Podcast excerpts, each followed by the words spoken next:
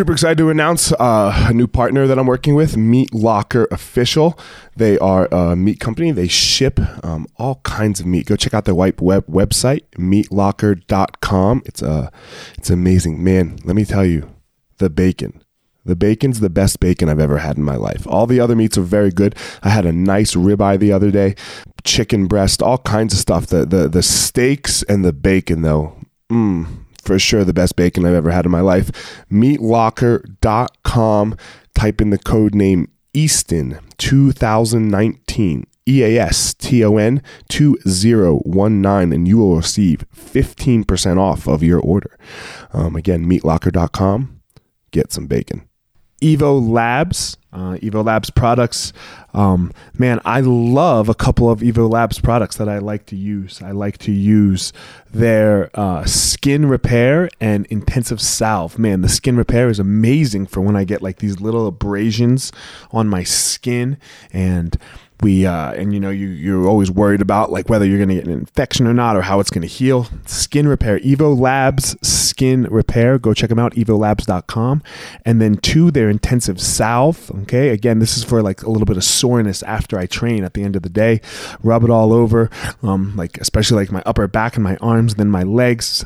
Love it. Again evolabs.com uh, I do also like their meditate. It's a it's a CBD pen where um, you know at the end of the night it helps me calm down, go to sleep, especially after like uh, intense training during the day. So um, those three products are three of my favorite products from Evo Labs. One the the skin repair, two the intense salve, and three the CBD pen. The Gospel Fire also brought to you by Onnit, O N N I T. Um, go to their website and man, go check out their products. Code name is Elliot. You put in Elliot E L I O T, and you will get ten percent off all of your Onnit products. I personally like the Alpha Brain. Uh, that that is my favorite product, and every once in a while I like to use their Shroom Tech as well. So those uh, those two products are my favorite from Onnit. So again, Evo Labs guys at evolabs.com and Onnit O N N I T. Um, check them out. Thanks for the support of the podcast from those guys, and uh, hell yeah, let's get after it.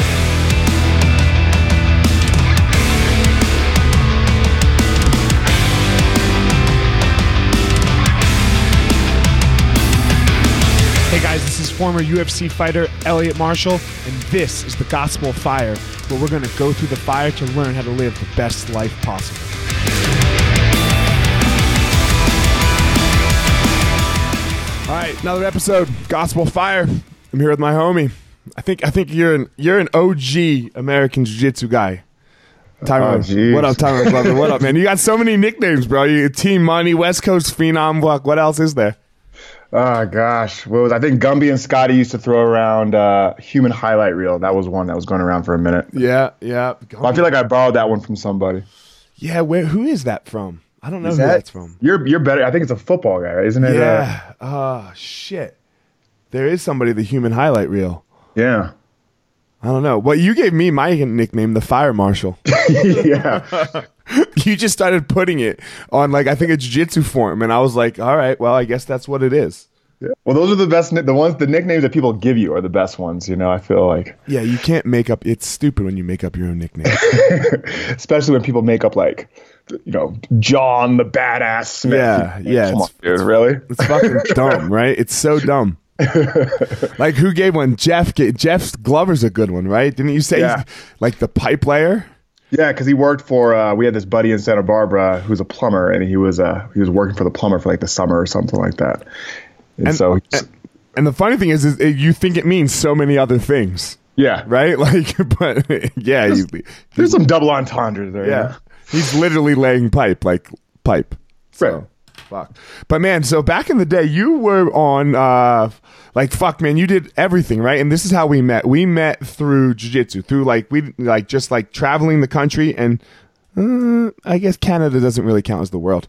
Um, traveling the country together, you know, and like just randomly showing up at the same jiu-jitsu tournaments back in the day before there was all this like fight to win pro and like you could compete every weekend. Like this shit didn't exist in, in the in the late nineties, early two thousands. Yeah, I mean, I talked to people about, you know, that was before we didn't have YouTube. You know, everything didn't just get immediately uploaded. So, you just you didn't all always know who was going to be at tournaments, who had been at tournaments, and you just there was just kind of like a mishmash of people. And I always remember, you know, you guys would roll in with your Boulder, your, those gray Boulder BJJ. Fuck yeah, I still uh, have it. Sweatshirts, yeah. and I remember being like, okay, because there were there were, a select few teams that would actually outside of California that would travel, you know, to a lot of other stuff. Mm-hmm, mm-hmm. But that's because you had to. For like Yeah. for, for me anyway, right? Like I don't know, maybe you had a little more option oppor- opportunity in California. But in Colorado, like I had to travel. I had to travel and like I don't know, who did I see all the time? I saw you, I saw Joe Daddy Stevenson, Yep. um who uh obviously Jeff and Bill. Uh who else was there that was just at, at like every tournament that you just could count on? I mean, Fowler used Fowler, to back in the day. yep, back in the day. Fowler was at everything. Yep, like Lloyd Irvin had his little, his little, li- smaller crew than what he in the, that formed into this bigger thing. You know, um, there were some ATT guys, right? There were some Yeah. ATT guys, some East Coast Henzo guys, but that was it. Yeah. And it wasn't until I think, you know, like Brian Simmons and those guys really started, you know, forcing some super fights and paying for your plane ticket that you started to see, you know, I think a more predictable, um, you know, other folks, you know, at, at, at tournaments. Right, right. Oh, the big names, Right. right? Like that's when like I, I can remember like the first time Xande did a competition. Oh, yeah. Right? That was in the, that was on an East Coast Grapplers tournament.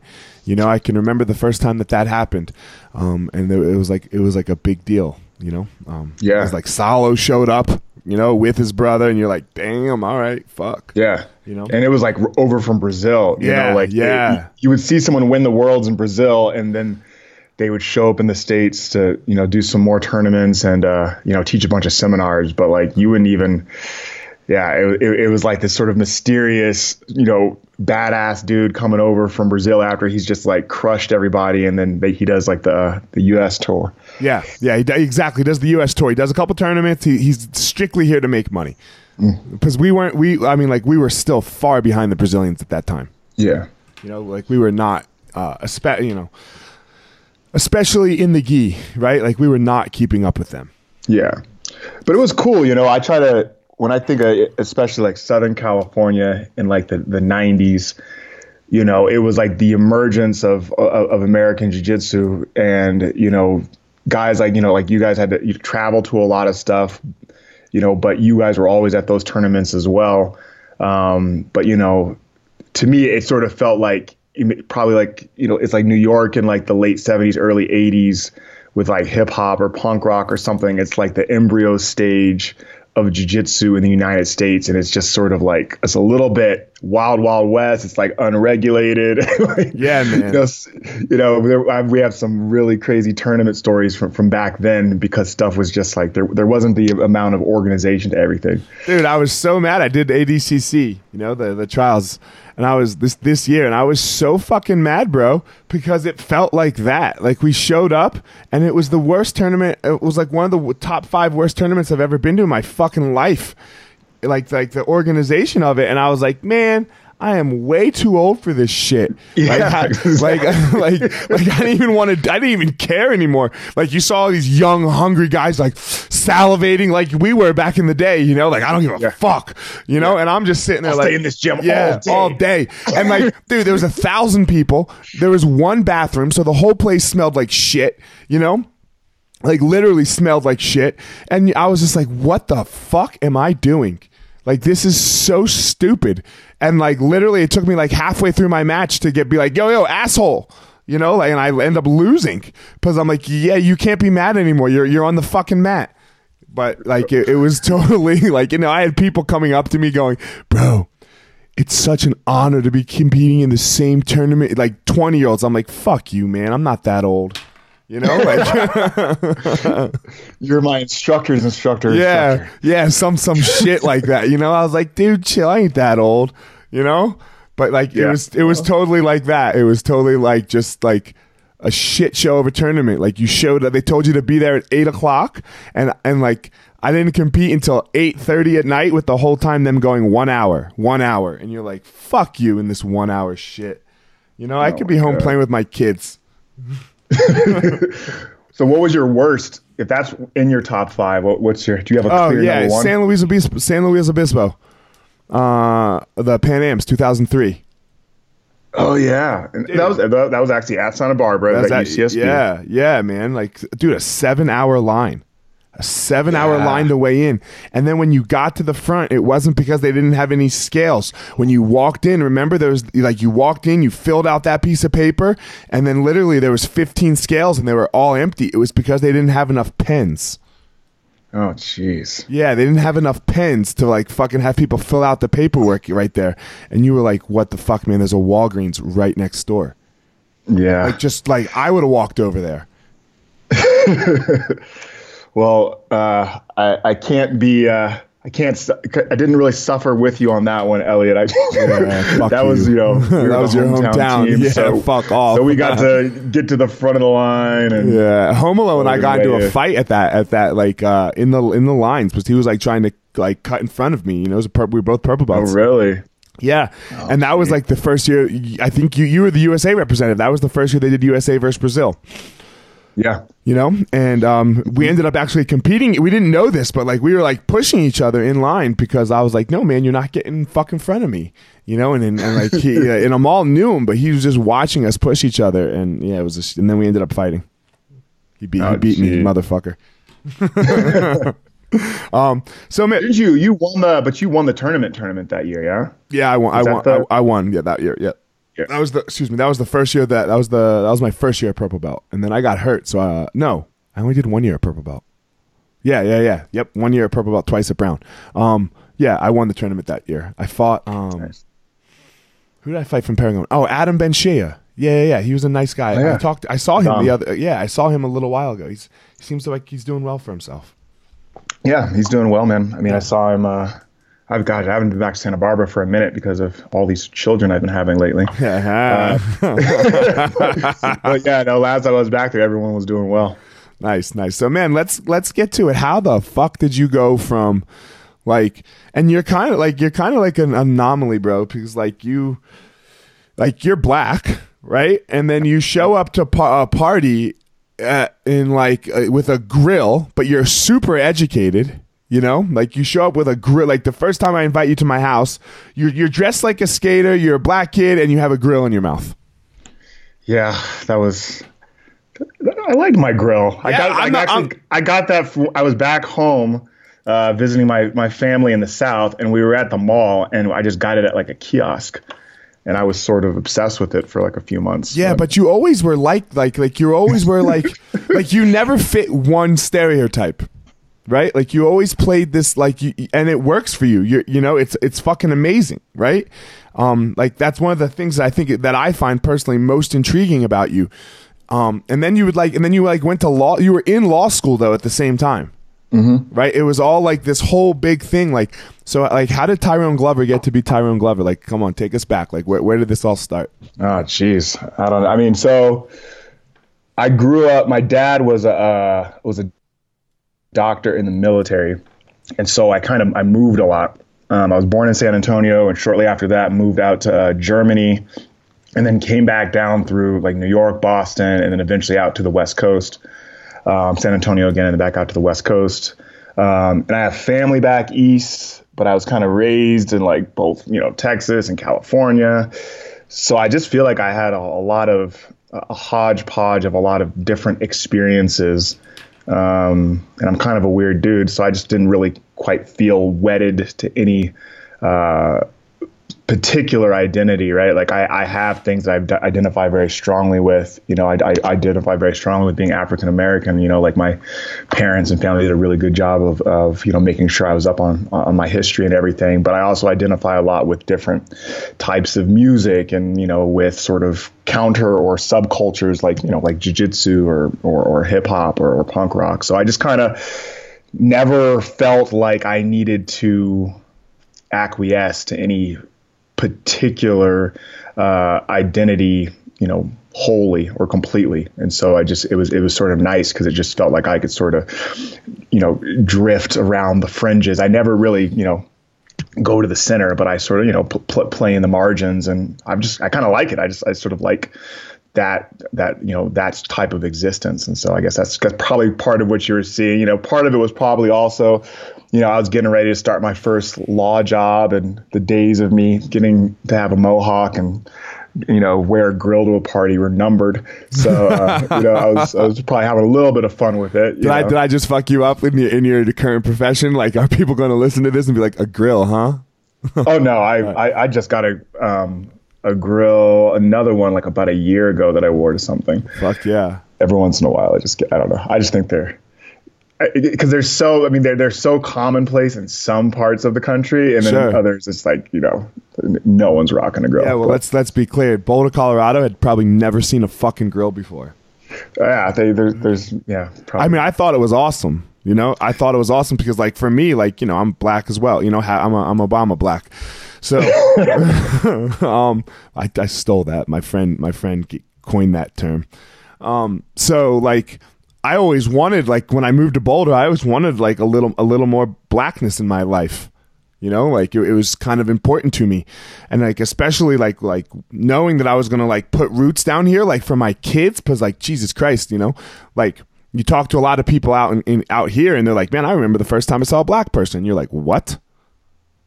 You know, like that's crazy. That's craziness. Yeah, that's yeah. craziness. You know, and like I mean, I can't tell you the first time I saw any kind of person because like right. we just like Mexican, Asian, anything because like that's just when you grow up on the coasts or or like where there's a like a, a hodgepodge of people, as you said, like you you don't even notice it. Like it, it's no th- it's not a thing to you. Right. Know? But when you grow up here, it's kind of a thing to you, I guess. Because you know, so I always wanted like, you know, like especially like moving like here, I was like, God damn, you know, and it's uh it's one of those things where that that that is important to me to, to identify, especially like with a little bit of black culture for my children, you know? So Yeah. It's uh it's it's it's an interesting thing I have to do. But but now Kanan, dude, Kanan takes it too fucking far like holy shit my oldest he's such a little sweetheart where it's like okay dude you have to like pull him back out of stories because he's just not old enough to hear like the fucking terribleness of some shit that's happened in people's lives. Yeah yeah yeah. It's rough man. You know i've got three right now and it's just you know it's a it's a conversation that you know uh, you know the, the history of everything and sort of that, that that realization that you know you have as as a as a kid about all of it um, that you're starting to realize, oh man, this happens a lot earlier than I remember it happening. Yeah, right. The awareness of it all, you know. Yeah, like it's because I, I don't remember talking about like serious things until I was like much older. Yeah. And like Kanan, like Kanan was like fucking six and coming home and asking these questions, and I was like, man, come on, dude. Like, yeah. like you don't need to know this. Like this is this is too much. Like you know, and, and I will say so I don't know if I've said this before on the podcast or not.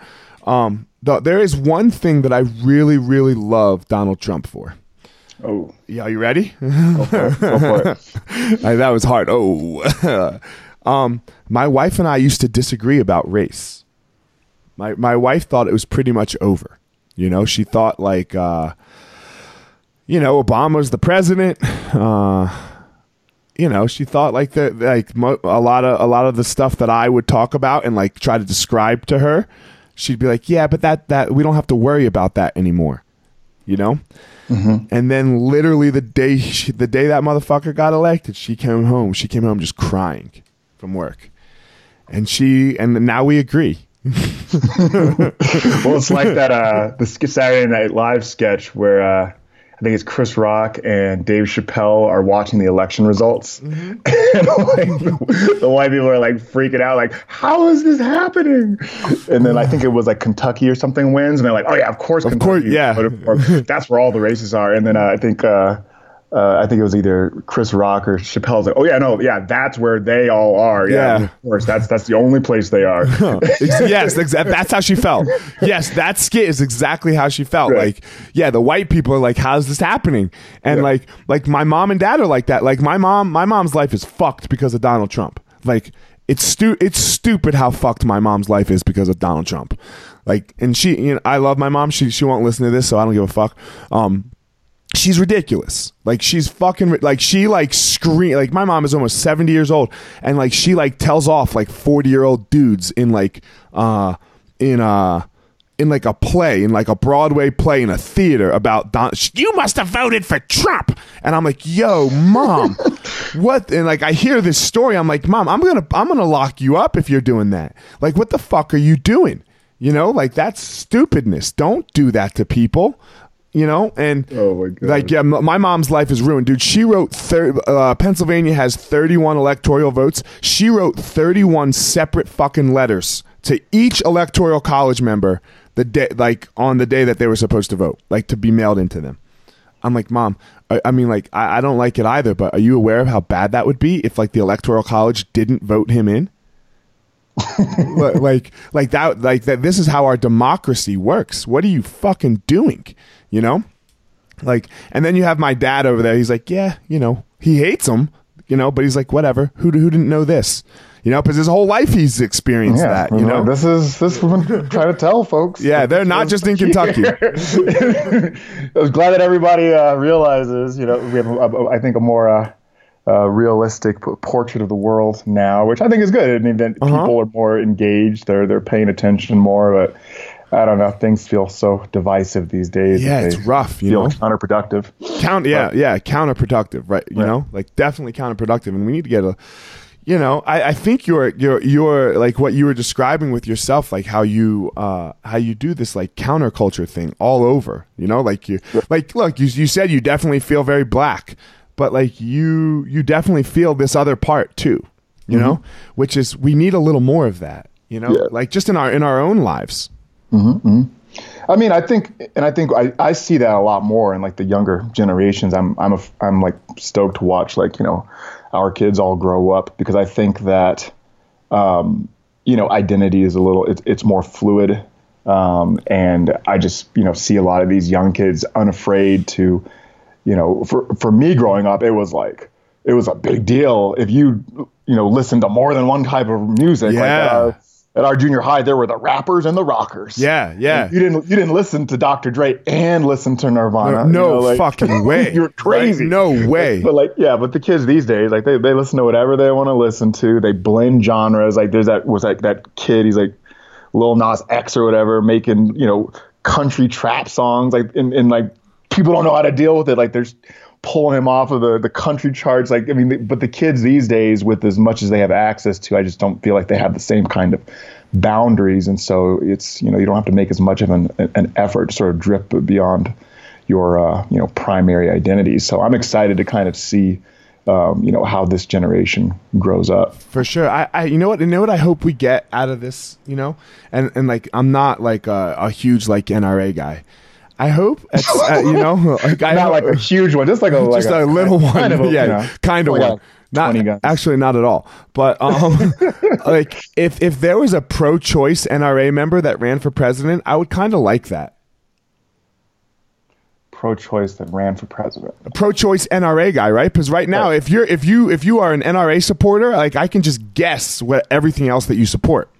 Right? Right. You're pro-life. You're you're you're it just you just go down the list, right? Because Right. you're It's like an Republican. algorithm, and you Yeah. put you put one. You need one variable. Postulate the rest. Yeah. Yeah, you can. You just know well the where, where they stand on everything else. I know where you're going to stand on gay marriage. I know where you're going to stand on this. I, I want to like. I would almost respect it a little bit. Like I want to, I want to find a pro-choice NRA I, and run for. Like, all right, I'll listen to that guy because I don't need to agree. Like it's what you're talking about with the kids and like the the little Nas X. I've never heard of him, but like, dude, I don't have to. I don't have to agree with everything somebody says to like like that person. Right, but I mean, it's in in today's political climate. I feel like unless you fit that algorithm, you get sort of like Blackballed. thrown out into the ether, right? Like if if, if you're, you know, if there's certain topics on the if you're if you're on the left and there's certain topics that you don't ad- adhere to, right? Then you're sort of you know you know pushed back into the center and then the center is this sort of like no man's land because everything appears to be really happening um, you know on the on the far reaches of the pendulum swing these days Of course, and so it's hard for people who have you know views that don't fit the you know this this algorithm to really gain traction in Yeah. our, our system right now Because you need money. right right? You need money, and the only way to get the money is to align with the, with with the algorithm. And if you're aligned with the algorithm and you're charismatic, then you get the fucking money. Right. You know? So yeah, that's I mean, that's what sucks. Right. Right? Like like that that is a hundred percent what sucks.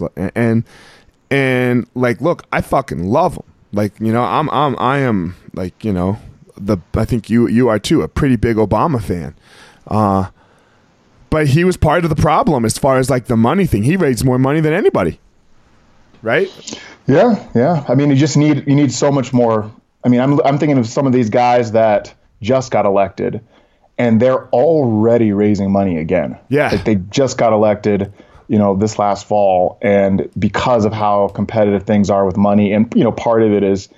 Uh, you know, Citizens United, you know, that decision and all of these super PACs and, and this ability now to raise just ridiculous amounts of money, you know, bef- before they're even like unpacked in DC, they're doing fundraisers again for the next For election. the next election. yeah, especially these Congress guys are going to have to run in a couple of years, right? And, Sure. Yeah, it's crazy. I mean, even Trump, right? He did. I mean, like, I mean, he's on to something. He fucking won, and he, he like he he does rallies still, oh yeah, right? He does rallies to keep his base fucking energized and fundraising, and and you're like, God damn, dude, like you don't have to run again for four years. It's like, what are you doing? Or not now two, you know? but I mean, it's not a what are you doing? It's yeah, kind of it's necessity. It's a know? necessity. You know, it's a Especially because necessity. You have to, you know, the, the primaries. Even, you know, he might even he might end up having a, a challenger. You know, even though he's the incumbent. So Dude, how crazy would that be? When's the last time the incumbent had a challenger? I don't know. I'm not. I'm not up on my election history. Me, especially like at, at the president, as a, at the presidential level. Like it happens in Congress and shit, right, yeah. all the time. Right. But not not at not at the president. I can't remember the last time the fucking uh, uh, uh, president had a had a, had a primary challenge. I doubt it. I doubt it's going to happen. But shit, just the idea that we're even talking about it's craziness. Yeah. Right. Um. But man, so let's one of the things that you changed, you helped change my mind on, is the death penalty. Mm-hmm. Like and, and and again, I think uh, I think this like this is one of my favorite things about uh, what I was just talking about. You and I disagreed on the death penalty. You know, we were still friends.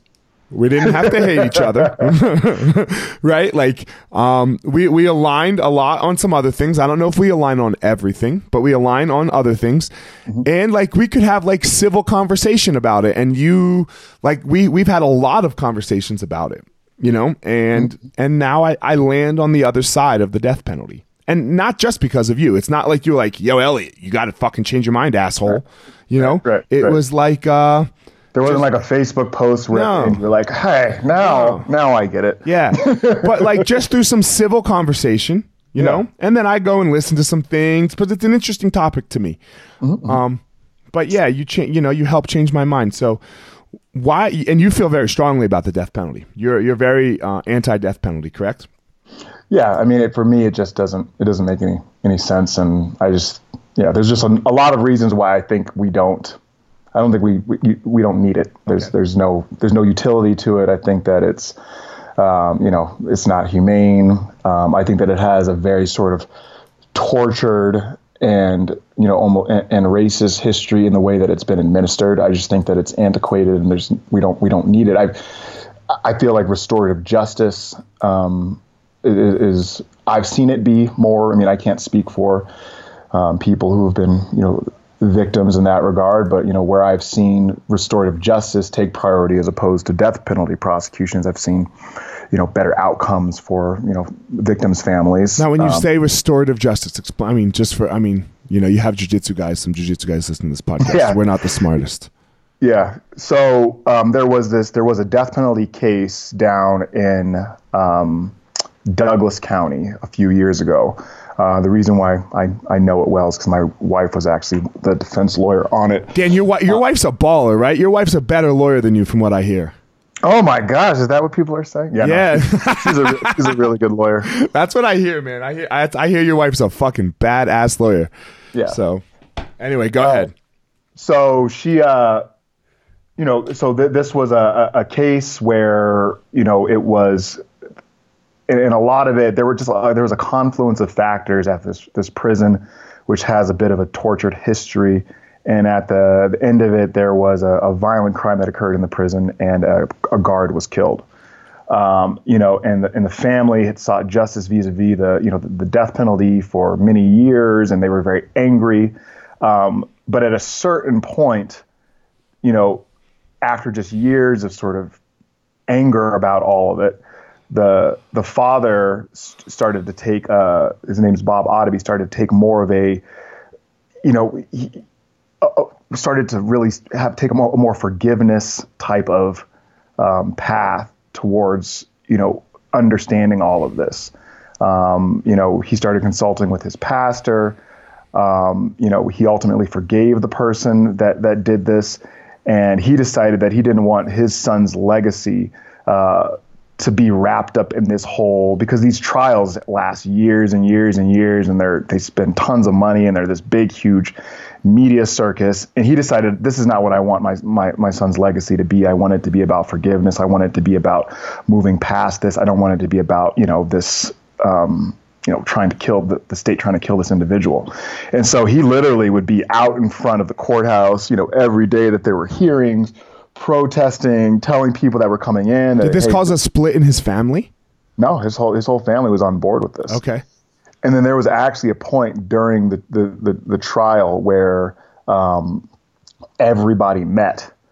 You know, the the family, um, you know, the the, the, the our, you know, my wife's client, you know, and you know, he apologized um, they got to, to, to vent. They got to tell him, you know, about their son, their son, their family member, and you know, you really sort of started to see and feel like the healing in the room, um, and and seeing people finally, you know, start to you know, not move past it, but get to a, a better place that wasn't so grounded in, in, in anger and vengeance and, um, you know, this whole process, right? Because the process is not great for, for healing. You know, the process is great for, you know, what it does, but, and with the death penalty, it's not great for what it does because I don't think anyone's gotten the death penalty in Colorado in a super long time, and they've spent millions and millions of dollars pursuing it. It's more of a political, I think, the thing. I think these days, but you know, that's what I mean you know, th- this family was able to, you know, and this, I can't say this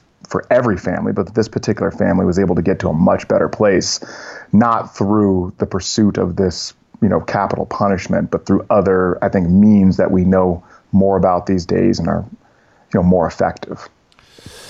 Yeah, for me, it just you know it came down to a podcast that I listened to about like how the death penalty, like um, that like all of the drugs for the death penalty you can't buy in the U.S. like yeah. you, you, know with the the combination like you have they have to go to these out the outside countries. I, um, what was it? It was uh, Malcolm Gladwell's podcast actually. Um, what's it mm-hmm. called? Um, re, uh, re, revi- revisionist history, mm-hmm. and he was just talking about how the states have to go about getting the things to kill people. And you're like, Jesus Christ, you fucking serious? Like, so you're not you you have to go to Germany to get this shit I don't even think know, Germany gives, it to you, right? Yeah. I don't, I don't, think any of the European countries or European pharmaceutical co- companies would sell it to us in the U.S. Yeah, it's crazy. It's crazy. I mean, they're at the point where they're having to use stuff that they they're just having to substitute other untested substances. And now it doesn't work sometimes. And now they they're botching it, right? That's yep. exactly what he got into. You're botching. You're totally botching it. So now you have to like now you fucked it up and you have this vegetable that you like technically have to keep alive. Mm-hmm. Like, and it, it's, I mean, it, it's, it's inhumane suffering. Yeah. You know, it's, it's, it's not like, like, so even, even if you were like, no, no, like, that's just not cool to do to anybody, you know, yeah. or, or even like your dog. Like, that'd be fucked up to do to a dog or a horse or, or whatever fucking other animal there was. Like, not cool. Mm-hmm. And, and then I just started talking, thinking just a lot about like what you were just talking about there, like forgiveness, you know, like so and, and this is this is what really gets me is like the conservative right who are generally very religious right? Like they um they're they're the biggest death penalty supporters. Like it doesn't seem to make sense to me because uh, i mean they, they they are traditionally but i think they're starting to be you know c- conservatives like real conservatives. are starting to really yeah are starting to come around on it because they're seeing how costly it is and where the money could be spent. And they're just watching, you know, how much money is being thrown at these prosecutions, oftentimes with no result or no closure because juries are hesitant to even give it these days. Uh, and you can't do like the three judge panels like you did back in the day. So we're starting to get a lot of people who are conservative who are saying, okay, we have the means to lock these people up for the rest of their lives in very secure facilities. Why are we spending millions upon millions of dollars on these prosecutions? Right. When our state needs these money, when our when our, our municipalities, our localities need this money. But just uh, yeah, that's that's a great point. But for me, it just came down to, to the idea of forgiveness. You know, mm-hmm. um, I don't want to be judged on my very worst day. Mm-hmm. Like I just don't, and I don't want to judge anybody else on their worst day. Mm-hmm. So, I mean, like, sure, there's consequences. I don't believe in no consequence, but fuck, man, who who am I to say um, what what to do? You know, yeah. or, uh, how to treat you because of your very worst day, and it's probably a lot of circumstances that were just so out of your control. Yeah, yeah. Oftentimes that's the case. It, it's not. It's not like you know, like you or I or or our kids, you know, who are going to grow up in this like you know upper middle class family with, with great support that we you know and, and, great education and love and all that stuff go out and just start killing right mm-hmm, it's generally mm-hmm. like really poor people who who you know who have just like been in a cycle of fucking poverty selling drugs and, and what else whatnot just to stay alive you know and, and i'm not excusing that behavior by any means, but there's a reason that that shit fucking happens. And it's not it's not it's not just people it's not like oh you made the oh you made the choice bro. You made the choice to go sell drugs. You know like fuck man. You you let's put you in those shoes and watch you make the same exact choice.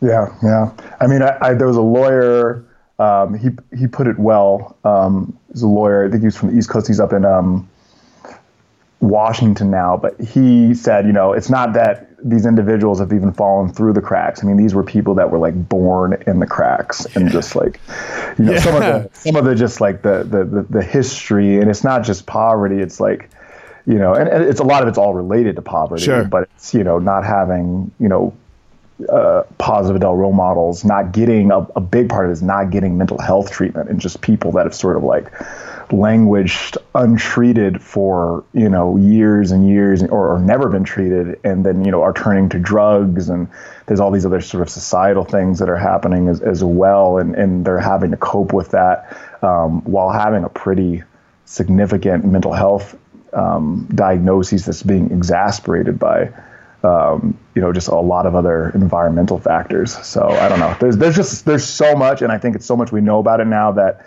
um, and, and even if you're, you know, people who are listening to this that disagree, like, you know, you know, the forgiveness thing, you know, you need to see justice, you need justice is death and this and, you know, one of the big things that it comes down to me with is just how, um, you know, how it's been administered and who it's been administered to. It has not been done in like a, in a fair and equitable way. There's certain people who predictably, you know, get the death penalty and other people who don't, right? You know, like in, in Colorado, there's three people that all went to high school in the same, you know, at the same high school. They're all black. Like that's who's getting the death penalty. You know, it, it's sort of this extension, I think, of a more uh, ancient American institution. So, I mean, you know, regardless of where you, you, you come down on whether it's an appropriate punishment, I think if you can't administer it fairly, um, then you know there's no place for it yeah, there's there's plenty of um, there's plenty of every race and and uh, ethnic group that have all committed the same exact crimes, and we definitely have a disproportionate disproportionate amount of people who are on death row uh, with within those numbers. Mm-hmm. Is, that's what you're saying, right? Like, yep. You know, so like, yeah, uh, you know, it's like the crack versus cocaine argument a little bit you know like what you get I, nobody nobody goes on death row for crack you know for for for crack or cocaine. But you know you just look at the punishments for what you get for cocaine and look at the punishments for what you get for crack right? Like you know. Right. yeah, so um yeah so that you know it's just uh it's one of those things that you change my mind on. So I, I, you know or you are part of the process of changing my mind on. So um i uh that that's one of that's one of my things like if uh you have to be able to if you have an opinion you have to then be able to state something that would make you change your mind you know so mm-hmm, mm-hmm. mm-hmm. like i think that's how you have stronger opinions you know like what what would flip-flop you what what you know what would make what would make you believe in climate change for all of the deniers i guess you right. know like so um what would that be Um, man, there was a, God damn it! I just had something on my mind. Oh, I know what I wanted to talk to you about. Uh, do you know like the serial case? Did you follow that shit at all? A little bit. You know, I started listening to it and then and I feel like I was listening to it on like a plane going somewhere for vacation. Okay. And I remember being like, "Oh man, I feel like I'm back at work oh, right now." fuck yeah! I'm sure So- that yeah, you hate you probably hate it. You're like God No, no, damn I it. liked it. I'm familiar with it generally. Did I like wade through all the, the little details? I, I didn't just because I, you know, I feel like that's what I just have a quick When that came out, I was a public defender. And Sure. That was literally what I was doing every day. Sure. All right. So I just have a question real fast. This makes no sense to me. So he got he got uh, this this all just happened like recently, like in the last six months. He was awarded a new trial by by one judge. Okay, the state appeals, and then that appellate court upheld upholds, you know, upholds the the one judge, you know. So then the state appeals that all the way to the Supreme Court of of Maryland, and now on a four to three decision, like it got overturned, and he's going to be in jail again for the rest of his life. That just seems like bullshit to me.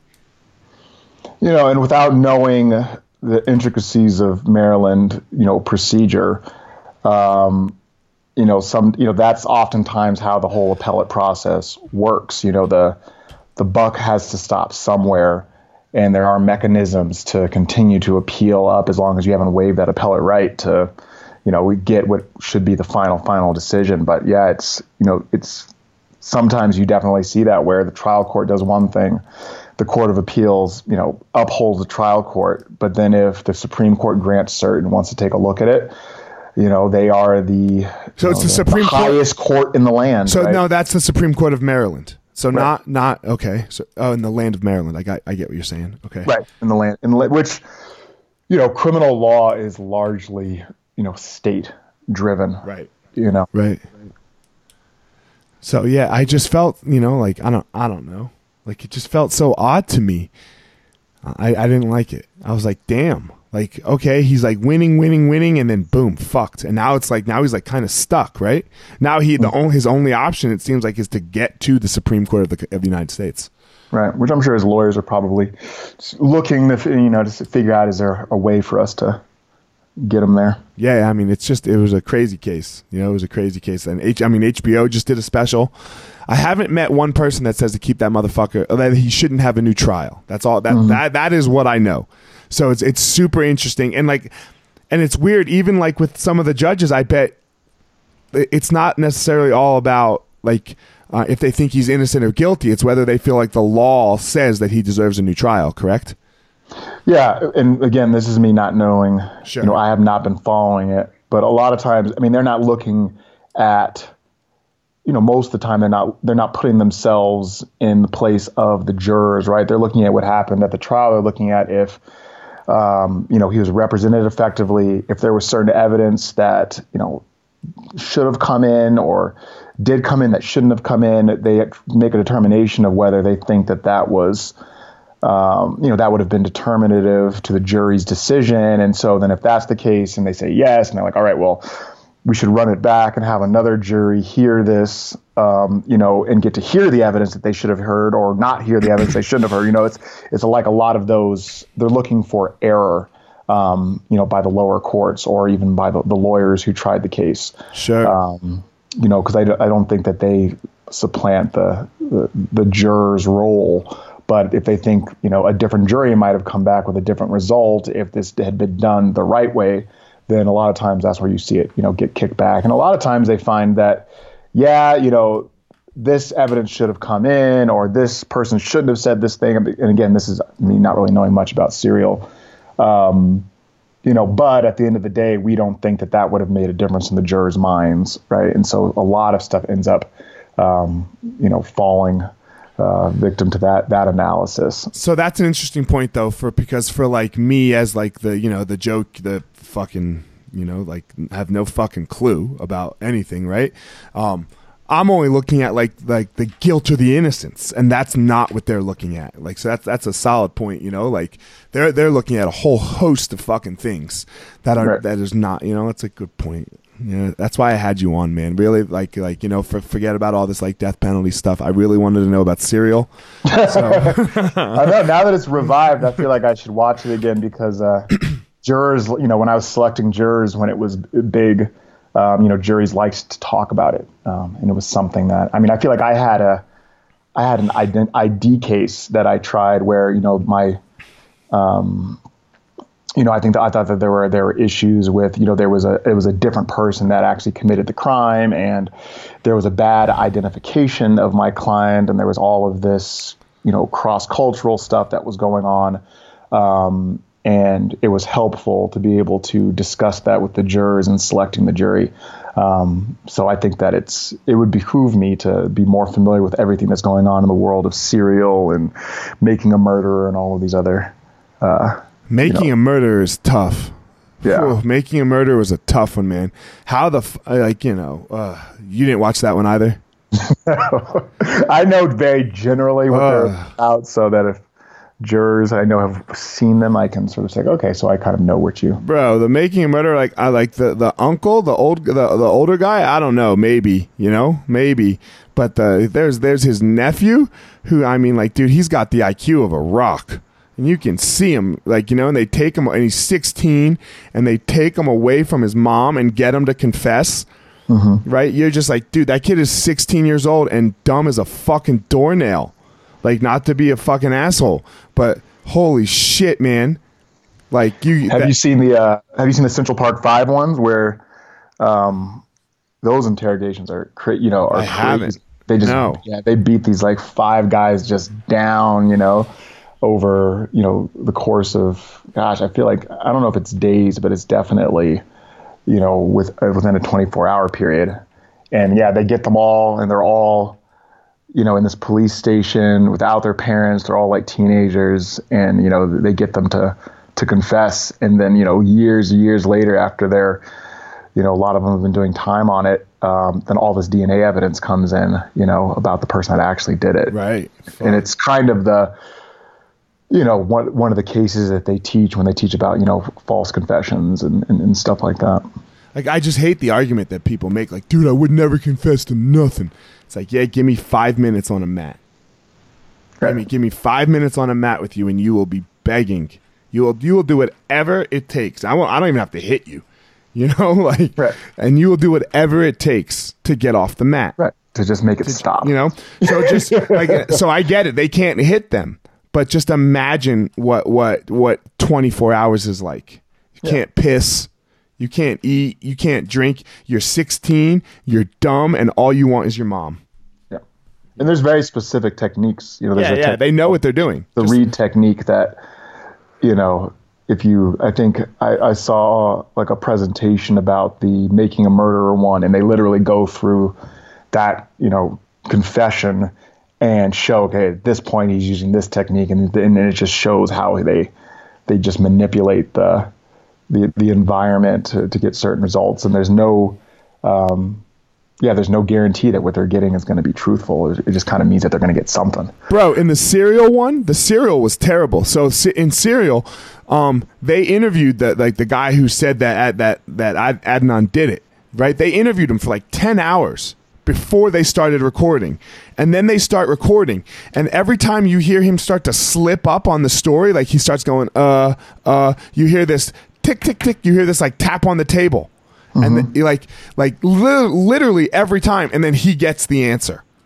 Oh my gosh, that's yeah, crazy. Like you just hear this, you know, this this banging, this this this light banging with a pen, mm-hmm. you know, or someone's finger, and then he's like, he, he's like, uh, uh, you know, and then you hear it, and then he goes, oh yeah, this, and then like five minutes later he forgets something, and then you hear the, uh, oh yeah, this, and you're just like, um, can can nobody hear that? Right? Like, can you can, can, can you not fucking hear? Like, yeah. they have a piece of paper that they're pointing to for this motherfucker to tell a story. Yeah. So it's yeah, it's real. It's yeah, it's stupidness. It's stupidness. Um, but man, let's just end on like so. You're a dad now, you know. Um, mm-hmm what what is it that you that you like uh and and you you you grew up in this like like you like you expressed in this counterculture thing of yours you know what's what's really important for you and your kids? Like what what's like you know like i have my six rules that i have for my kids. You know what what do you find to be like the most important things that you like need like really want to instill in your children? Especially being like having obama black kids. You know? right right. Um you know i just really just kind of very simple things you know you know treat people the way that you want to be treated. I want them to grow up, you know, similar to the way that you know, you know, you and I did. You know, knowing lots of different people. You know, I don't want them to have this perception of there being people out there that are the the other. You know, and just knowing a world that's that's that's bigger than themselves. You know, having you know respect for other communities, having respect for the environment. You know and just sort of being well-rounded people. And I just I, I also want to make sure that they feel, um, you know, you know, challenged, you know, where they want to excel. You know, I want them to feel like they're in an environment in an environment where they can realize their their, their true potential, and and do it in a in a place that's you know nurturing um, you know not too nurturing to the point that they're not having to overcome obstacles because i think that that's good for kids um, but yeah, I just want them to have a good, full, you know, picture of the world. Um, you know, similar to the way I feel like I did because of all the moving around. But I, I hope to be able to give it to them without having to uproot them as much as sure, I was uprooted sure. as a kid.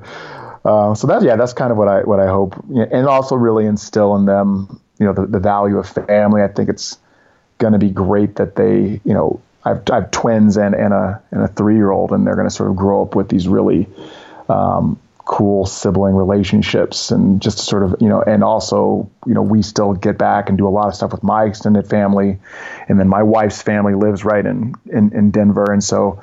Um, you know, just finding striking a really good balance you know, or at least attempting to strike a good balance between all of those different things. But at the core of it all, I think you know, treating people the, the way that, you know, they want to be treated and just sort of having, you know, respect and appreciation for all things. So, a question. So, you were, I mean, obviously, jiu-jitsu and martial arts is a huge part of your life. Mm-hmm. Pro- probably, I don't, I don't know, you tell me if I'm wrong, something that really helped you find yourself, like, in the world. Yeah. Um, do they have to do martial arts? Do they have to do jiu-jitsu? Are you going to expose them to it? I'm definitely going to expose them to it. Uh, I think the girl for sure is going to have to do it. I kind of. Um, you know, the thing that I like about jiu-jitsu is I feel like it's this little sort of micro playbook for a lot of things that they are going to experience in the world, you know, like uh, a fight camp or a jiu-jitsu camp. I feel like you you go through almost every sing, every up and down or emotion that you sort of will experience on a much more expansive level um, that you might not necessarily be able to appreciate because it happens, you know, over such a long period of time in just life. And so I think there's a lot of very valuable lessons to be learned by doing jiu-jitsu. And I think that there's a lot of grit and even, you know, toughness that, you know, I think kids will need to navigate the world that they can glean and learn from jiu-jitsu. But if they don't want to be there and they're not appreciating it, you know, and there's a, you know, and there's a, you know, making kids do stuff you know, is we, we have like the three bite rule, which we got from some book, um, where it's like you don't know if you like it unless you you know at least take three bites of it, right? Sure, like I sure. think that you know they need to get in there and they need to try it, but am I going to, you know, make them go for year upon year if they're not into it? I mean, I don't know. I mean, I don't necessarily see them learning and taking away those lessons if they don't want to be there. But if they want to be there after trying it and giving it a good faith go, then I think there's a lot for them to learn. And I think it's a, a largely a positive thing. You know, and if they're like me, that sort of, you know, when I started jujitsu, you know, it was very much this little sort of geeky fringe thing, right? Sure. Um, and but and when you started it too, right? Um, and so and that was just kind of my my my personality. Um, and so you know we'll see. We'll see kind of you know how my my, my kids personalities develop. Sure. and if i see you know jiu-jitsu as being a, a positive thing in their lives i definitely want to you know steer them towards it. A lot of it for me is the is the community you know mm-hmm. like you um like why they why you know like my rule number one is they have to do jiu-jitsu. Um, I've, I've, mm-hmm. I've done a lot of work at making it fun. Um, yeah. so that it's not something that we fight about. Uh the, so like just just the idea. I, I find jujitsu to be a place where you get the hodgepodge of people. Yep. You know where you know there's there's doctors and lawyers and rich people and poor people and and and, and everyone you know and and like like the trash guy and the doctor and they're on the mat and they don't think about the doctor and the trash guy Right. you know right. they're just two dudes on the mat doing going after the same thing so Yeah. that is one of the beauties of of of jiu-jitsu and what a, a very uh, solid and healthy jiu-jitsu community looks like and Yep. Yep. it, it, brings a lot of people in and you can see, and you can you can do exactly what we've been talking about a little bit we can find our similarities and not our differences yep. Exactly. so uh, um, but hey man i know you got to catch a flight i appreciate you coming on with me um, uh, travel safe you're in durango right Yeah. Yeah. I'm down in Durango for a case, and I'm yeah flying back up to Denver here in about an hour. nice nice all right man well travel safe and i appreciate your time man Yeah. Yeah. No worries, man. Thanks for having me on. thanks homie. Right. bye Later. All right, guys, thanks for listening to this episode of The Gospel Fire. Don't forget to check me out on all of my social media at Fire Marshal 205. Again, at Fire Marshal 205. Go to my YouTube channel. Um, Fire Marshal 01, that is for YouTube, where you can follow. I'm, I'm making these videos 100k strong. That's the goal for the year. I want 100,000 strong listeners to the Gospel of Fire. So I'm making, trying to make a video a week so that you guys can follow along on my journey of, of how I go about my day, some things that I talk about, some things that I try to work on for myself. And then finally, don't forget my website, elliottmarshall.com, where you can get up to date with everything that has to do with me personally, the Gospel of Fire. You're going to find all about my book release, um, also called The Gospel of Fire, February 12th. Will be for sale on Amazon that whole week for 99 cents. So, all that information at elliottmarshall.com. Thanks again for listening. Thanks to my sponsors, Evo Labs and Onnit. So, uh, that's it, guys. Hope you enjoyed the episode.